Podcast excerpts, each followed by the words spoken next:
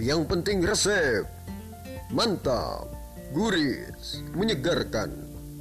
Maka minumlah teh es. Hari panas-panas, dingin-dingin empuk.